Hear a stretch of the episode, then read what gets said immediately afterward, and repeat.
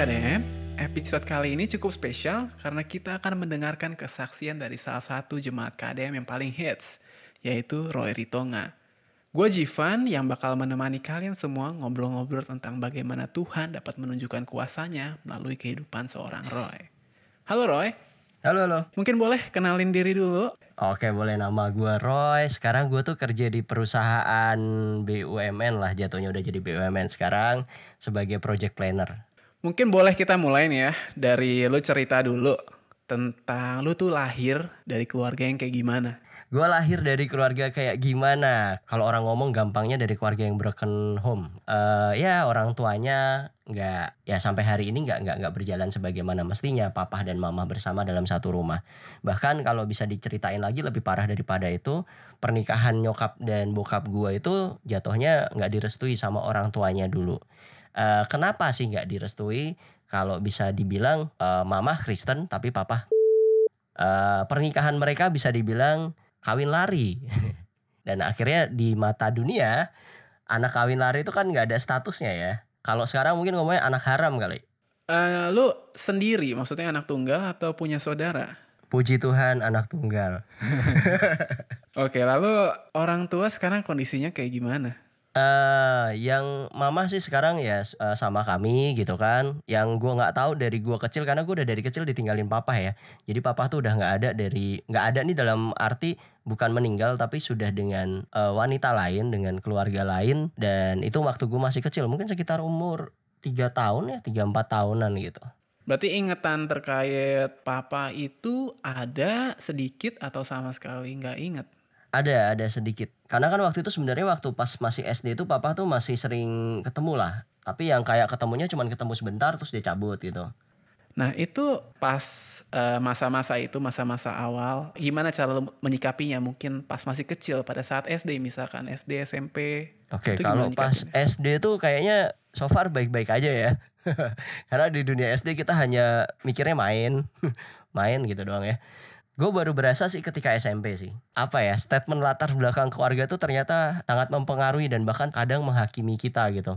Sampai pada akhirnya gue tuh nggak bisa bergaul dengan anak baik-baik dalam tanda kutip ya. Kalau main itu gue pasti sama yang bandel-bandel deh. Sama kerjaannya kalau di komplek perumahan gitu. Kerjaannya yang berantem, tawuran, terus kerjaannya malak-malakin karena gue nggak bisa bergaul sama anak-anak yang baik-baik gitu Eh bahkan terkadang ada orang tua yang agak bengis dan sadis juga tuh kayak ngomong eh kamu jangan main sama si Roy si Roy itu keluarga apa dari orang tua yang keluarga nggak bagus nggak bener nggak baik nanti kamu jadi nggak baik loh dia anak nakal gitu kalau keluarganya nggak beres pasti anaknya nggak beres gitu. Jadi dengan kondisi background keluarga yang seperti itu membuat gue jadi pribadi yang sukanya atau bergaulnya dengan orang-orang yang bisa dibilang nggak bener gitu.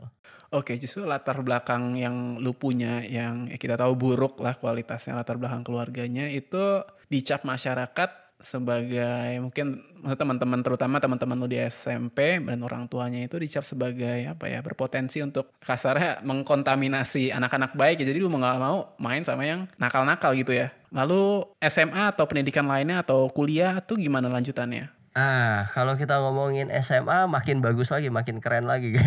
Karena kerjaan gue tawuran. Dulu kalau orang-orang yang pernah tinggal di daerah Ciledug paham tuh. Anak-anak yang suka tawuran. Bahkan dari SMP hobi gue udah tawuran gitu. Hobi gue udah lari-larian, kejar-kejaran sama guru gitu ya. Eh, lempar-lemparan batu. Nah waktu SMP pun karena kondisi orang tua nggak oke secara finansial karena kan dari mama. Eh, singkat cerita gue sama mama tuh hidup nebeng di eh, tante sama om gue atau adiknya nyokap. Karena kami memang nggak punya rumah kan. Bahkan nyokap itu sampai kerjanya jadi kayak buruh cuci eh buruh setrika lah bisa dibilang. Buruh setrika di tetangga lah gitu. Itu itu juga jadi bahan ledekan teman-teman gue tuh kalau di perumahan tuh, oh anaknya pembantu gitu kan. Agak nyesek juga ketika diomongin anak pembantu. Padahal kalau sekarang gue denger emang ada yang salah dengan anak pembantu gitu kan. Nah terus karena kondisi finansial nggak oke gue akhirnya dimasukin di sekolah. Kami nggak eh, nyokap nggak nggak sanggup nyekolahin gue di SMA karena dulu tuh eh, yang punya masa depan adalah orang-orang yang sekolah di SMA tapi kalau kita sekolah di SMP eh STM sorry adanya STM sama SMK kalau STM udah pasti ujung-ujungnya ke mesin dan tawuran dan ribut gitu.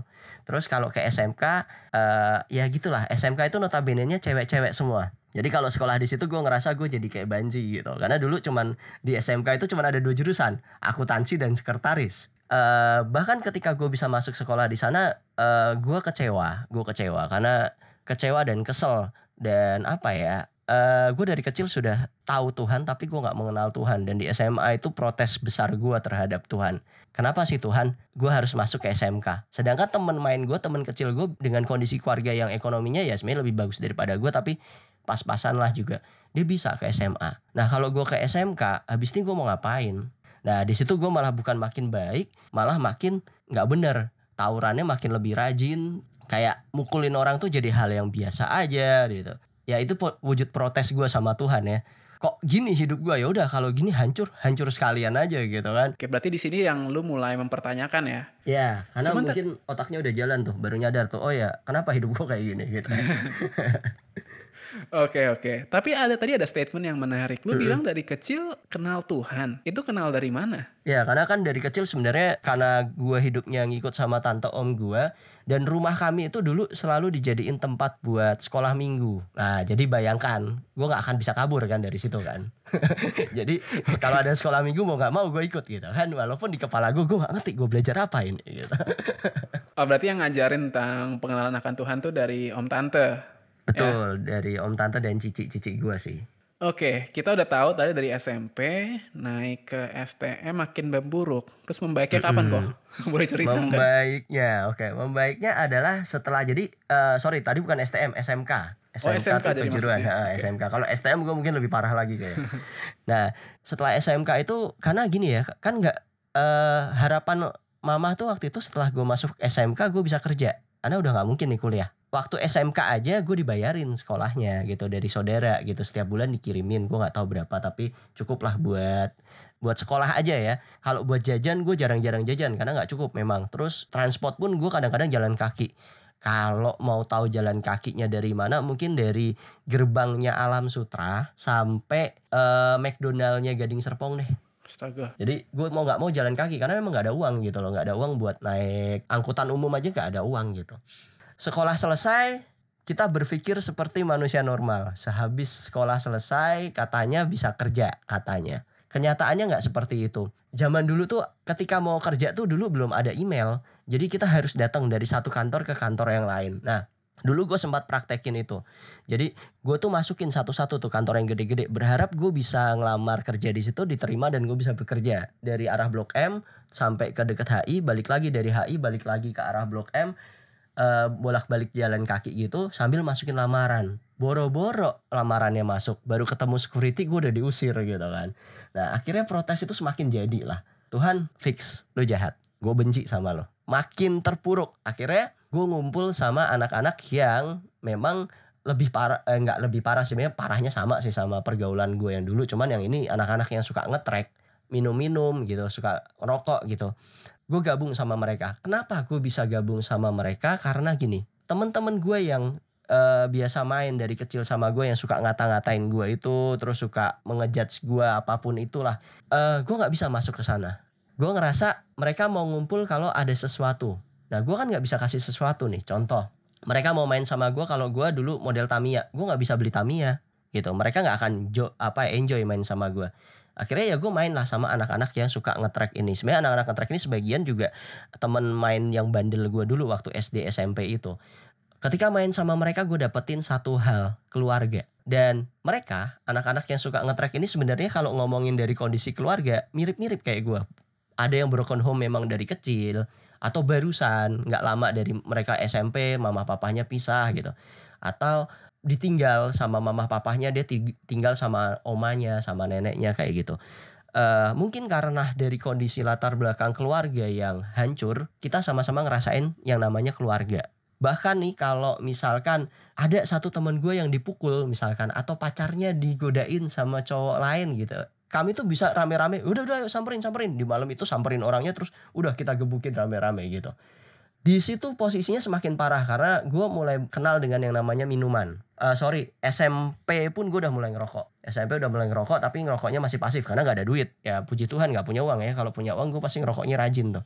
Nah eh setelah SMK ini gue makin berat karena teman-teman gue komunitasnya kita sama-sama ngerasa apa ya punya pengalaman yang sama Tapi karena kita sama-sama ngerasa kondisinya sama dan sama-sama hancur, jadi larinya kayak nggak bener. Mulai dari minum-minum, gue sempat minum tapi nggak yang intens, nyobain aja lah jatuhnya nggak yang seintens. Oh jadi apa ya setiap saat gitu nggak. Rokok gue juga sekali dua kali uh, bahkan kami sering ta apa taruhan taruhan terus balapan di jalan. Dulu kalau di depan Gading Serpong Tivico tuh sering ada ngetrek-ngetrek ya salah satunya gue lah di situ. Kita bahkan sampai taruhannya tuh mecahin spion mobil yang lagi lewat. Satu spion mobilnya makin kece berarti uh, uangnya lebih banyak yang bisa dapat ya. Di situ kita bisa gue gue bisa dapat uang dari situ segala macam. Semakin hancur intinya. Oke berarti belum membaik ya? Selesai dari SMK belum. pun belum membaik. Makin hancur karena gue makin kecewa kan? Dan ditambah lagi apa yang selama ini lu nggak pernah ngerasain itu keluarga, lu rasain tapi di komunitas yang salah. Betul. Bener ya itu makin Betul. merusak lagi. Makin merusak lagi.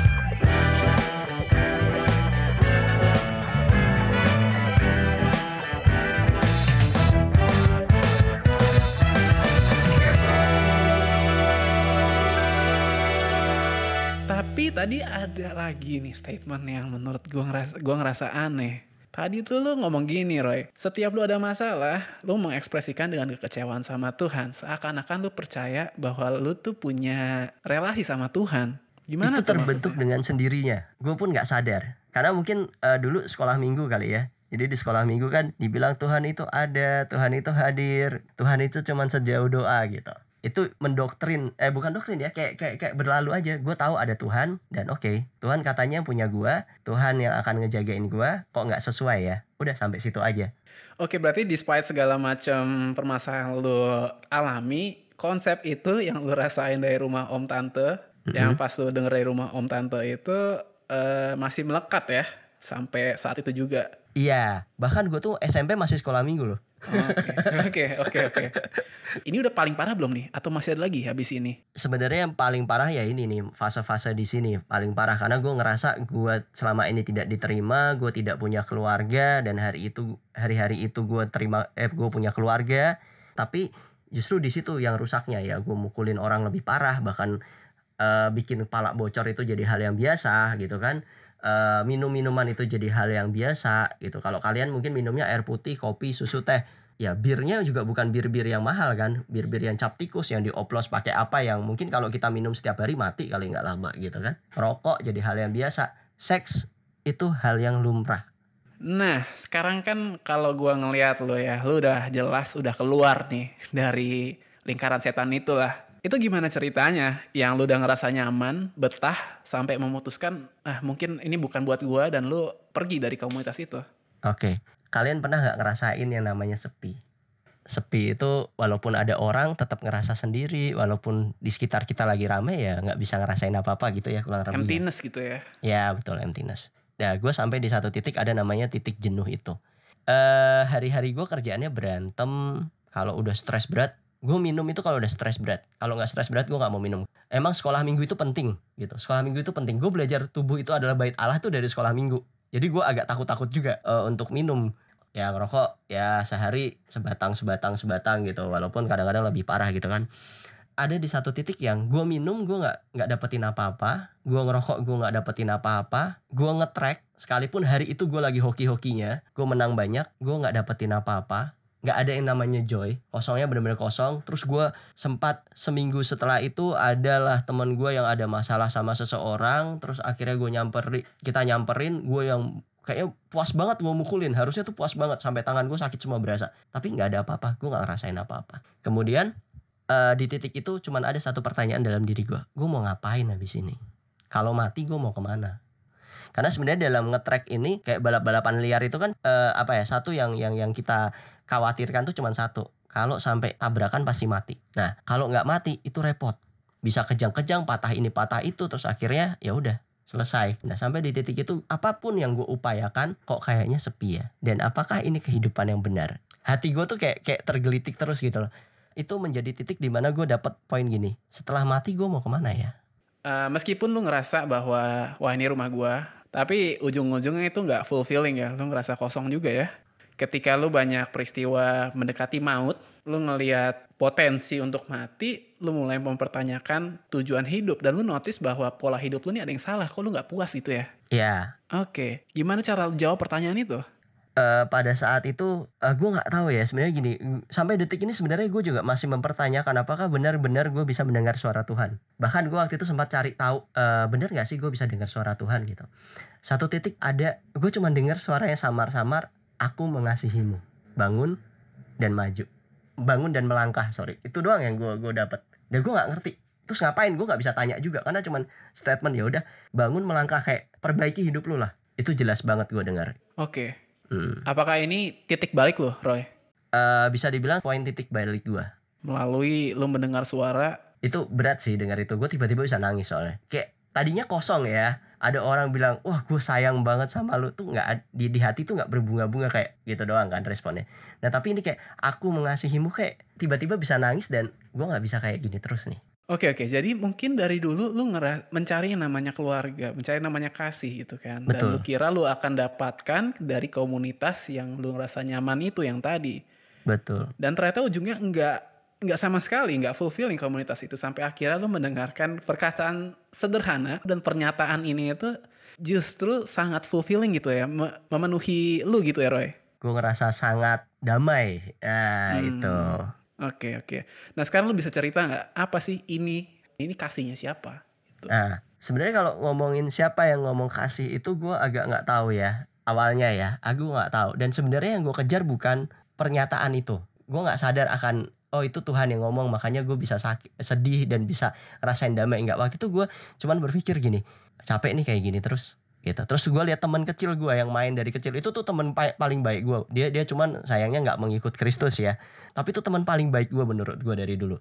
Dia yang menunjukkan apa ya? Dia berusaha dia, dia habis selesai sekolah dia nggak bisa kuliah tapi dia berusaha kerja ini kerja itu gua kira ngeliat ini yang salah gua apa dia nih ada yang nggak bener nih gua di gua nih. Terus gua lihat orang-orang di sekitar gua oh ya pagi berangkat kerja terus habis itu pulang bisa ketemu keluarga. Pokoknya aktivitas di dalam dunia kerja itu menarik gitu. Gue gue kayak melihat sesuatu yang lebih menarik dari kehidupan gue yang selama ini yang yang gue jalanin yang mabuk-mabukan ngerokok ngetrek gak jelas gitu kan. Gue ada di persimpangan itu terus gue pikir apa ini ya? Terus gue sempat dengar juga gini iya apakah kehidupan yang bener ini maksudnya yang minum-minum ini harus gue tinggalin gak sih?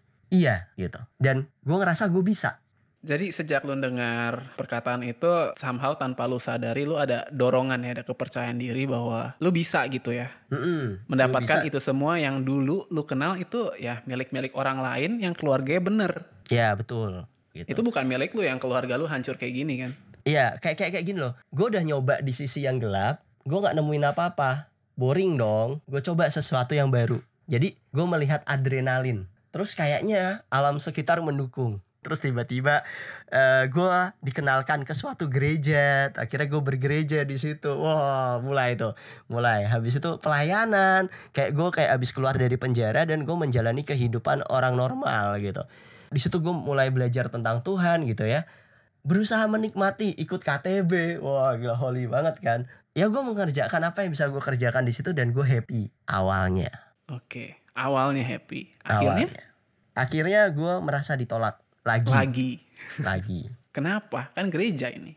nah itu dia memang benar sih sebenarnya gereja itu bukanlah gedungnya orang-orangnya nggak bisa seenaknya gitu loh tanpa kita sadari mungkin kita tidak kita tidak berusaha melukai orang tapi dari omongan ternyata orang siapa yang tahu orang itu ternyata terluka gitu dampaknya gue nggak mau ke gereja lagi Wah, malah begini. Lalu? Nah, jadi yang bikin gua nggak mau ya pertama gini satu orang di sekitar gua itu ngajakin gua latihan vokal grup. Tiba-tiba baru satu kali latihan mereka bilang sama gua suara lu jelek mulai besok lu nggak usah ikut lagi. Wah itu sakit banget. Gue udah nggak mau dipaksa ikut gitu. Terus habis itu orang yang sama yang bilang udahlah lu mending gak usah ikut lah suara lu jelek ngerusak aja gitu. Wah itu sakit banget. Kesal banget. Terus yang kedua adalah gue pikir ikut Tuhan pergi ke gereja kehidupan gue akan lebih baik. Gue akan dapat pekerjaan, gue akan bisa nyenengin keluarga gue terutama nyokap gue ternyata nothing terus bahkan gue menemukan beberapa hal di sana yang orangnya ngomongnya holy di dalam gereja. Bahkan dia khotbah. Kan kalau dulu di gereja gue kebenaran yang khotbah nggak cuma pendeta tapi bisa majelis.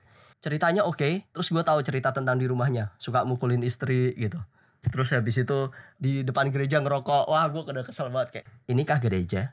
Orang-orangnya suka ngejudge. Orang-orangnya suka di depan manis di belakang nggak oke. Gue nggak bilang gereja itu buruk ya tapi kebenaran gue ketemu sama orang-orang kayak gitu aja. Ya, paham, paham. Hmm. Sejauh ini dinamika hidup lo tuh udah tergambar dengan jelas lah. Hidup Hmm. hubungan lo personal dan sama Tuhan dan uh, bagaimana lu menyikapi ya maksudnya apa yang lu rasakan dengan ya kualitas hidup lu gitu. Nah, gue pengen lihat dari perspektif lain nih soal pasangan hidup. Latar belakang keluarga lu yang buruk, latar belakang lu yang buruk juga, itu dampaknya apa dalam usaha lu nyari pasangan hidup? Susah banget. Yang pasti pertama gini, siapa sih cewek yang mau pacaran sama gue? Modal nggak ada, motor juga nggak punya kan? Masa depan madesu, eh, masa depan suram gitu ya. Gue juga berpikir kalau gue mau nikah nanti emang ada ya orang tua yang mau nikahin ngasih anak perempuan masalahnya. Ngasih anak perempuan kepada seorang pria yang masa depannya nggak jelas. Gue kerja aja belum gitu loh. Nah tapi ada yang menarik sih sebelum masuk dalam hal itu ada satu hal yang menarik. Waktu tadi di gereja gue jatuh ya gue jatuh. Terus akhirnya ada satu titik lagi gue ketemu satu titik nol gue yang kedua uh, perihal masalah kehidupan gue ke depan gimana gue protes sama Tuhan nah sebenarnya ini titik gue ketemu Tuhan jadi proses di sini gue mulai benci sama Tuhan. Karena gini, uh, dulu gue mengalami kenapa gue bisa benci sama Tuhan? Gue tuh nggak bisa benci sama wanita karena gue punya figur wanita. Ya walaupun figur wanitanya nggak oke-oke banget. Ya, gitu. tapi, tapi hanya itu yang lu punya ya figur ibu. Iya ibu dan kebenaran cici-cici gue tuh pelayanan di gereja. Jadi untuk figur wanita gue cukup mudah. Nah bapak ini adalah figur pria dan gue nggak punya dalam hidup gue figur pria. Oke, dalam proses gue kemarin ngetrek, gue sekolah gue nggak bener. Sekolah itu juga puji Tuhan loh, gue bisa ranking loh. Padahal nggak pernah belajar coba. Kok bisa? Hebat nggak tuh Tuhan? Itu dia, gue juga bingung kan. Terus gue kecewa sama yang namanya Tuhan. Karena gue pikir Tuhan itu adalah Bapak. Kan tadinya gue udah hancur. Hancur gue berusaha bangun. Begitu bangun gue dihancurin lagi. Pertanyaan gue simpel. Ternyata Bapak yang ada di surga itu sama kayak Bapak yang ada di bumi. Sama kayak bokap gue. Bohong, pendusta, kasihnya mana? boro-boro pasangan kerja gue nggak dapet gue mau apa gitu loh di gereja juga tadinya diajakin tuh sekarang gue dibuang jadi bapak tuh seperti apa sih gitu nah akhirnya di satu titik jenuh gue gue bilang nyari premannya keluar lagi bilang gini gue bilang sama Tuhan bapak kalau lu bener-bener ada wujudin beberapa hal yang gue minta bener yang dibilang di Alkitab Tuhan bilang kan berbahagialah orang yang percaya percaya padanya tapi tidak melihat gitu loh lu nggak melihat percaya berbahagia gitu tapi gue harus jujur, gue manusia biasa. Dan gue gak punya figur bapak. Dan gue gak melihat apa-apa. Jadi gimana caranya gue bisa percaya sama engkau? Nah di titik itu akhirnya gue udah gak ngerti lagi caranya gimana. Karena gue udah berusaha bertobat. Gue ngerasa hancur lagi. Gue berusaha bangkit, gue hancur lagi. Nah gue bilang sama Tuhan, gini deh Tuhan. Gue gak pernah ngerasain kasih bapak. Gue gak tahu lu ada apa enggak. Dan sebenarnya gue juga gak peduli lu ada atau enggak gitu. Karena lu ada atau enggak kayaknya lu gak akan merubah apa pun dalam hidup gue. Nah di saat itu Tuhan bilang di firmannya gini ketuklah pintu maka akan dibukakan. Nah, itu notice banget sama gue. Minta maka akan diberi. Oke gini Tuhan, gue mau bilang sama lo, Tuhan hari ini gue minta, gue kerja. Gue udah selesai nih sekolah gue. Gue mau kerja di satu perusahaan yang bentuk gedungnya aneh. Satu. Dua. Tuhan gue suka banget sama motor Yamaha uh, Astrea Grand sama Yamaha Vega. Spesifik banget mintanya. Iya, karena gue begini, gue butuh bukti, gue udah capek tuh sama janji-janji itu. Dan yang ketiga adalah gue bilang sama Tuhan, Tuhan gue pengen punya mobil, kan ini udah pasti mustahil kan. Dulu gue lagi suka banget sama Jazz yang versi pertama. Kalau lu ada, kasih gue. Kalau lu nggak bisa kasih itu, berarti Tuhan bohong. Ya yang namanya Tuhan pembohong, seperti bapak yang gue kenal. Singkat cerita dalam perjalanan waktu gue nggak tahu gimana gue bisa kerja gue bisa kerja di satu perusahaan yang kalau diperhatiin bentuk gedungnya aneh nggak normal nggak bulat nggak kotak gitu agak aneh. Gue kaget dong gue bisa dapat kerja di tempat kayak gini gitu loh. Padahal gue cuma maunya kerja di kantor yang gedungnya aneh. Tapi Tuhan kasih satu perusahaan yang ya nggak main-main lah menurut gue pada saat itu ya. Nggak tahu sekarang. Tamatan SMK mustahil masuk sana. Gue masuk terus habis itu gue agak berkaca-kaca di situ. Gue bilang sama Tuhan gila emang lu ada? Gue nyerah. Gue pasrah sekarang gue tanya sama Tuhan, apa yang Tuhan pengen gue lakukan? Tuhan bilang cuma satu, jadilah terang di gelap, di tengah gelapnya dunia, jadilah garam di tawarnya dunia. Oke Tuhan. Terus dia bilang lakukan bagianmu dan lakukan segala sesuatu yang bisa kamu lakukan di dunia ini seperti untuk aku dan bukan untuk manusia. Dulu eh, kayak korupsi itu jadi hal yang biasa. Dan di kantor itu gue sering tiba-tiba masuk kantor karena dulu gue di bagian kayak kalau pembayaran itu harus lewat gue dulu. Kalau gue nggak ngasih approve pembayaran uh, mereka nggak bisa nagih. Itu tiba-tiba di meja gue ada amplop isinya duit segepok dan gue nggak tahu apa gitu. Nah beberapa kali itu datang dan karena gue udah janji sama Tuhan Tuhan kasih pekerjaan di kantor itu gue janji sama Tuhan gue mau setia gue tolakin. Sampai tetangga di sebelah gue bilang lu manusia paling goblok di dunia gitu terus kemudian nggak selesai sampai situ. Nah bener tuh ucapannya Tuhan tuh. Ketika kita setia dia adalah Allah yang adil. Gua punya motor Astrea Grand. Motor pertama gua Astrea Grand. Persis plek sama yang gue minta. Dan motor itu bandel. Ya gua agak bandel sih. Gua agak masih masih masih ngumpul sama teman-teman ngetrek jadi sering dioprak aprek rusak. Rusak dan gue bisa beli motor Yamaha Vega. Secara tabungan itu tidak masuk akal sama sekali setiap bulan gue cuma bisa nabung barang 50 ribu sama 100 ribu. Tapi gue bisa beli motor. Nggak selesai sampai di situ. Gue tetap berusaha setia. Bahkan di gereja gue berusaha tetap pelayanan. Di gereja yang kemarin ngebuang gue ngerasa dibuang ngerasa disakitin. Gue tetap gimana caranya pelayanan di sana? Tuhan nyuruh apa? Gue lakuin gue lakuin. Karena gue udah bilang oke okay, Tuhan gue nyerah. Gue ikut apa yang lu mau. Setia yang benar tuh kayak gimana? Hari ini gue punya mobil kalau ngeliatin sasis mirip lah kayak Jazz dulu. Tuhan nggak cuma kasih barang-barang itu tapi Tuhan siapin mulai dari biaya maintenance-nya. Tuhan juga siapin hati gue di gue kerja di perusahaan yang segitu besar dan gue nggak punya ijazah S1 ini bukan maksudnya gini loh perubahan lu itu atau uh, lu bisa ketemu Tuhan setelah lu nantang Tuhan enggak. Tapi gini ketika lu setia dia beneran adil. Dia nggak cuman kasih apa yang kita minta. Tapi pretelannya dulu kan gue nggak mikirin punya motor emang gue punya duit buat ngisi bensin? Emang gue punya duit buat servis? Kan nggak punya. Gitu kan nah tapi Tuhan siapkan sampai sedetail itu nah sampai akhirnya pada akhirnya Tuhan perlengkapi gue sampai gue bisa kuliah akhirnya dengan uang sendiri dengan hasil gue kerja di situ ya ketika Tuhan kita setia ya itu nah perihal masalah pasangan hidup makin susah lagi. Ditolak cewek tuh udah jadi satu hal yang ini tuh kayak makanan sehari-hari. Lagi deketin cewek, aduh udah deket-deket gue rasa ceweknya sudah suka sama beta gitu kan. Ternyata dia bilang sorry bos. Ada lebih ganteng. Dompet anda nggak cukup buat traktir gue makan di masa gitu. Wah udah. Ngedown. Coba lagi wah nih kayaknya cewek deket nih. Tiba-tiba di pertengahan jalan ibaratnya Valentino Rossi ditikung sama Mark Marquez. Ditikung tiba-tiba. Kayaknya dulu orang itu yang ngedukung gue buat deketin tuh cewek deh. Ternyata cewek itu dia yang tembak. Waduh makin ngedon ngedrop lagi jatuh lagi gitu sampai di satu titik perihal pasangan hidup gue bilang sama Tuhan gue sadar diri. Siapa sih gue uh, Tuhan ingetin gini ingat pada saat dulu kamu meminta meminta apa yang kamu minta. Kemudian kamu bilang apa di terakhir? Oke Tuhan aku mau tunduk. Aku mau ikut kamu. Gitu. Nah sekarang dibalik. Kalau dulu kan kamu mau melihat dulu. Sekarang aku pengen kamu percaya dulu sama aku. Pertanyaan gue kan gini ya gue tuh udah kayak manusia yang punya bau dosa gitu. Nempel dikit ceweknya kabur. Nempel dikit ceweknya kabur gitu. Gimana dong Tuhan gitu ya? Tuhan cuma bilang gini mulailah dengan berdoa. Wah itu berat banget. Nah gue bilang lagi gue tanya lagi sama Tuhan mulai dengan doa. Maksudnya gimana nih Tuhan? Selama lima tahun gue bergumul dan gue berdoa buat dapetin pacar doang. Nah mulai dari belajar berdoa tuh. Berdoa yang pertama adalah gini gue doa gue Tuhan gue mau si A. Gue sebutin nama. Gue udah capek kan udah di PHP-in cewek pacaran putus pacaran putus nggak jelas gitu kan gue mau si A karena si A itu baiknya ini ini ini gue sebutin yang baik dua bulan yang pertama gue masih sebut nama Oke, nama pertama gagal, gue sebutin nama kedua. Jadi di bulan kedua tuh gue punya 2 sampai tiga nama.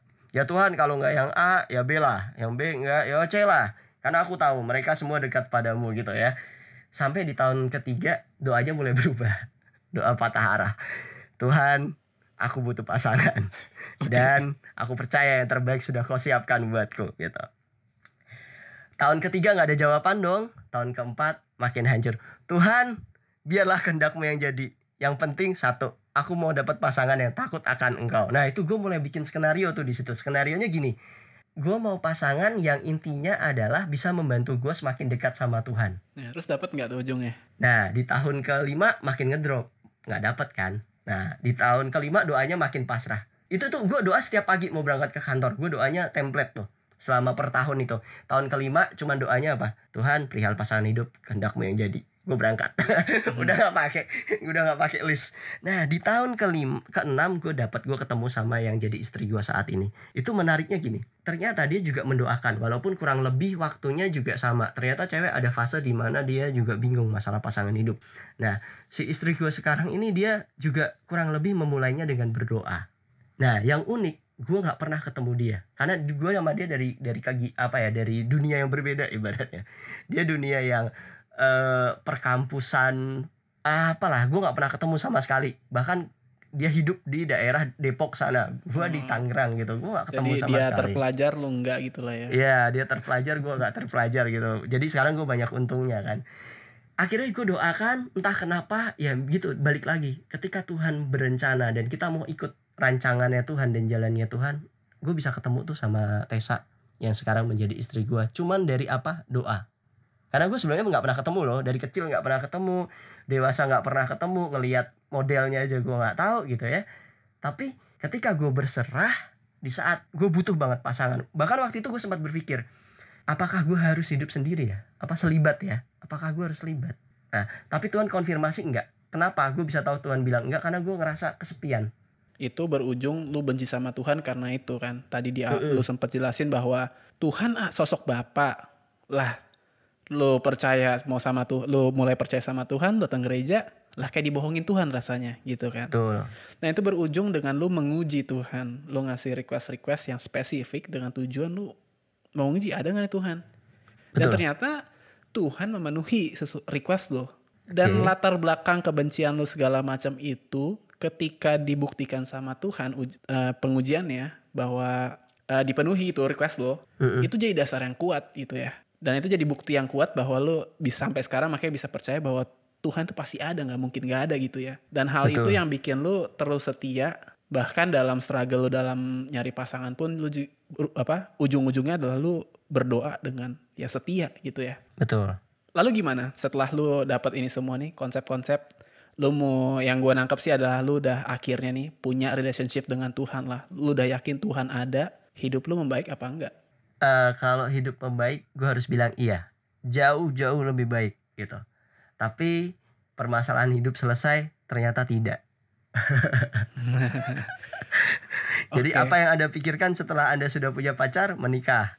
Apa yang Anda pikirkan setelah Anda sudah selesai sekolah, kerja, kuliah, gitu kan. Nah, Hmm. ternyata masih ada obstacle lagi gitu. Oke, oke. Kalau secara kehidupan, iya, gue jadi semakin ibaratnya gini ya, gue akan jadi orang bodoh ketika gue nggak percaya Tuhan.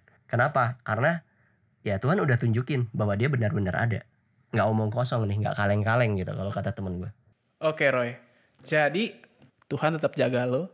Bahkan sekarang lu punya eh, hubungan dekat sama Tuhan, lu begitu yakinnya sama yang namanya Tuhan. Ya betul. Yang penting fokusnya dulu. Kalau lu fokusnya ke Tuhan, ya apa yang ibaratnya gini loh. Tuhan yang punya dunia ini loh. Tuhan yang punya kerajaan surga loh. Kita anak-anaknya. Terus nggak mungkin kan kita apa yang kita minta nggak dikasih. Tapi itu baik nggak buat kita? Baik dan benar, sorry. Ketika itu ujungnya adalah baik dan benar, nggak cuman kebaikan aja, tapi di belakangnya ada kebenaran. Tuhan pasti kasih. Mungkin gue akan masuk ke dua pertanyaan terakhir. Lu udah maafin bokap lu belum? Jujur kalau maafin secara utuh itu belum. Kalau memang eh, ini ini gue dalam proses belajar ya karena kalau beberapa orang bilang kalau gue bisa memaafkan bokap gue secara utuh harusnya gue bisa hidup berdampingan dengan dia. Either tidak satu rumah atau tidak satu tempat. Tapi so far komunikasi nggak ada masalah. Kayak gue ngobrol sama lu ini kan gue lagi gak ada masalah dong. Atau lu ada masalah sama gue? Enggak, aman, aman. lagi aman kan jadi kita bisa ngobrol kayak gini nah ini adalah salah satu kriteria ketika rekonsiliasinya berhasil Nah, dan menurut ya? terselesaikan Eh, ini bukan menurut gua maksudnya ini dari apa yang gue pelajari dari beberapa orang yang bicara sama gua Ah, Oke. ya gue cari tahu lah karena gini gua adalah orang yang suka ini ada efek imbas lain nih dari kondisi yang dulu gua adalah orang yang sulit mengampuni Dan ini Gua PR bisa sampai baik. sekarang masih lu perjuangkan tuh. gue masih struggling dan beberapa saat ini Tuhan tegur dia bahkan bilang gini stop ngomongin masalah kasih kalau kamu belum bisa mengampuni Tapi gimana? Lu ada rencanakah di masa yang akan datang atau lu berusaha untuk mengampuni bokap lu? Harus Harus. Karena kan ya karena Tuhan kita nggak ngajarin kita untuk tidak mengampuni kan. Ingat nggak cerita yang di bait Allah yang ada pelacur dibawa sama ahli Taurat? Ini pelacur nih Tuhan. Hukumlah gitulah kurang lebih ya. Terus Tuhan bilang apa? Kalau di antara s- kalian ada yang nggak berbuat dosa atau tidak pernah melakukan dosa, lempari wanita ini dengan batu. Nggak ada kan? Nah, Tuhan kita tuh sampai sengampunin orang itu sekalipun orang itu sudah berbuat dosa, bahkan kan sebelum dibawa ke situ dia barusan berbuat dosa kan si wanita itu. Tuhan ampuni loh. Oke. PR yang berat buat gua, Iya. sangat berat. Oke, oke.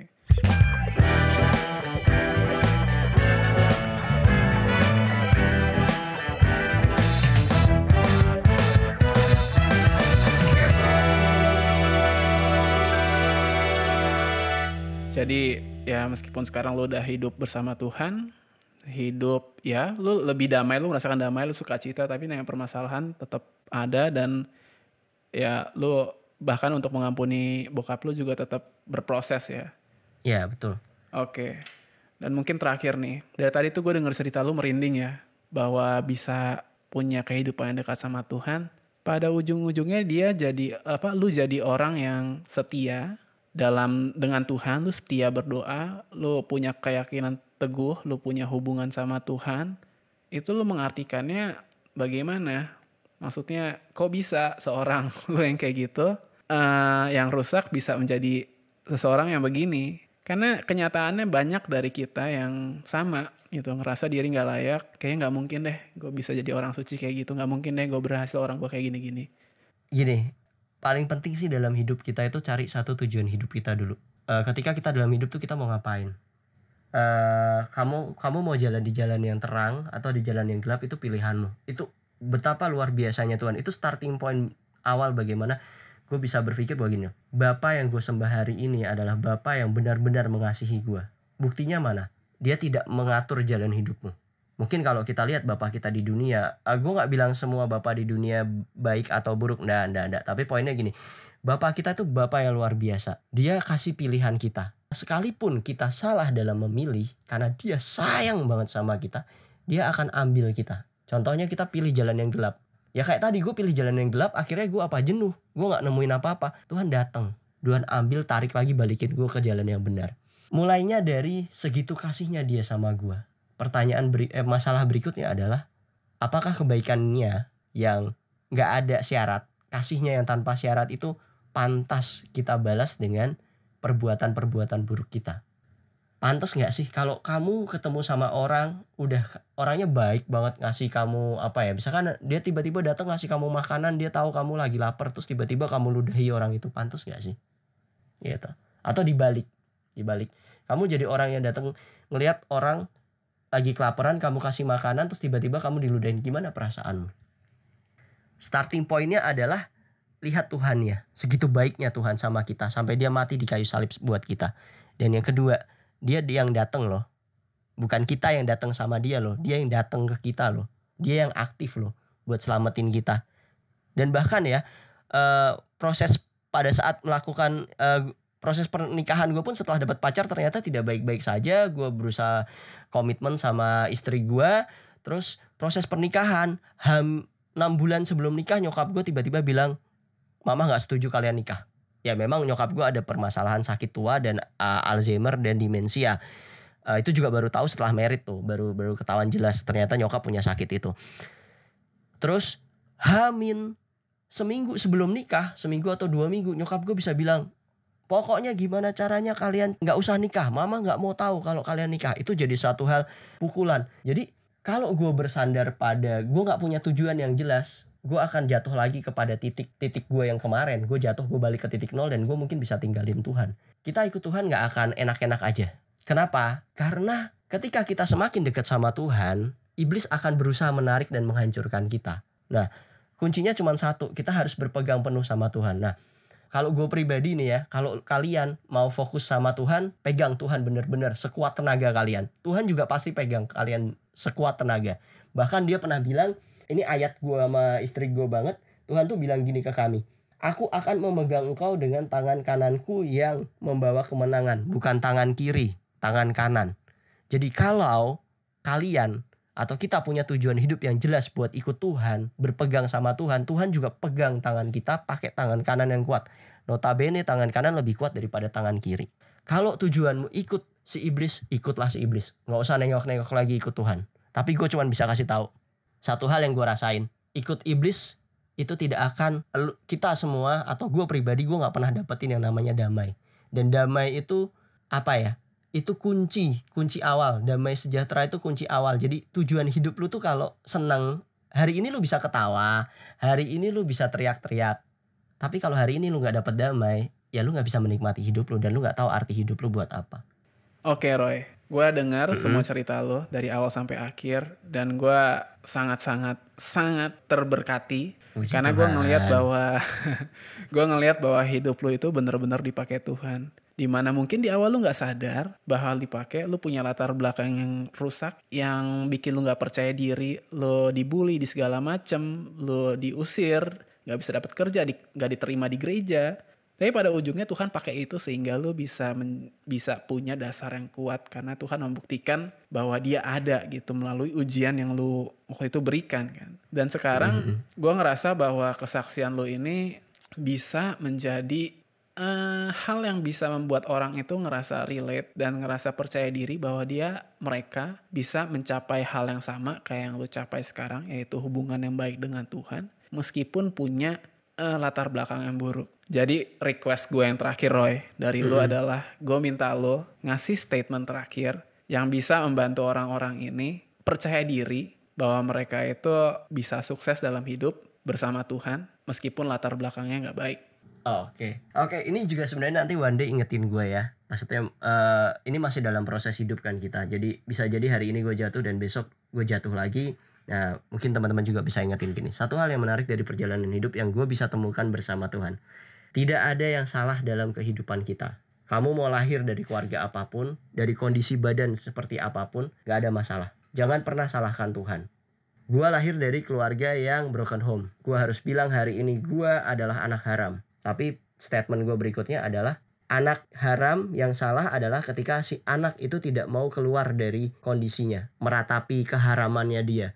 Percayalah, kehidupan kita itu Tuhan izinkan itu terjadi karena Tuhan punya rencana. Contoh simpel aja dari gua satu statementnya gini. Ketika kita tidak pernah merokok, kita tidak bisa ngomong ke perokok atau orang yang menjadi udah rokoknya akut bilang, eh stop dong ngerokok. Karena ngerokok itu ngerusak badan.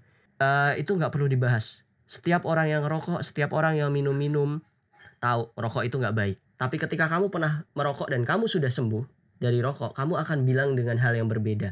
Mungkin kita bisa kurangin rokoknya. Dulu gue coba gitu juga kok. Gue lepas dari rokok, nggak berhenti ngerokok langsung. Ya hari ini kurangin lah se- apa sebatang, dua batang dan besok-besok akhirnya gue sembuh loh dari rokok dan itu lebih didengarkan dan bahkan itu bisa menjadi impact yang besar. Jadi hari ini kalau apa pun kondisi latar belakang keluarga kita, jangan pernah kita ngerasa sendiri, kita ngerasa sedih. Nggak perlu. Tapi dalam kondisi ini yuk bertekun di dalam Tuhan, kita cari Tuhan, kita eh, makin mengenal dan makin makin cari Tuhan lah, semakin dekat sama Tuhan. Supaya apa? Kita bisa diselamatkan, kita bisa merasakan, oh ini ya Tuhan yang gue sembah. Nggak kaleng-kaleng nih, Tuhan yang gue sembah ini benar-benar Tuhan yang luar biasa. Dan mungkin dari kehidupan kita, kita bisa selamatin orang yang punya perasaan atau kondisi yang mirip sama kita. Nah biasanya itu yang akan lebih didengar. Kalau gua ngomong ke kalau kalian mungkin dengan kondisi keluarga utuh ya, ya dengan permasalahan kalian, kalian dengan kondisi keluarga utuh misalkan kalian ngomong ke orang yang keluarganya broken home, mungkin nggak akan didengar. Karena mereka akan bilang lu nggak ngerti apa yang gua rasa rasain gitu. Pun sama halnya dengan kalian dengan kondisi apa pun dalam, dalam kehidupan kalian ya. Gue percaya kita tidak pernah lepas dari rencana dan rancangannya Tuhan. Itu aja. Oke Roy, thank you banget buat kesaksian yang udah dikasih di episode podcast ini. Gua sendiri ngerasa bahwa kesaksiannya sungguh-sungguh memberkati karena ini merupakan bukti nyata bahwa Tuhan itu menyertai kita. Sesuai Yesaya 41 ayat 10, janganlah takut sebab aku menyertai engkau. Janganlah bimbang sebab aku ini Allahmu. Aku akan meneguhkan bahkan akan menolong engkau. Aku akan memegang engkau dengan tangan kananku yang membawa kemenangan.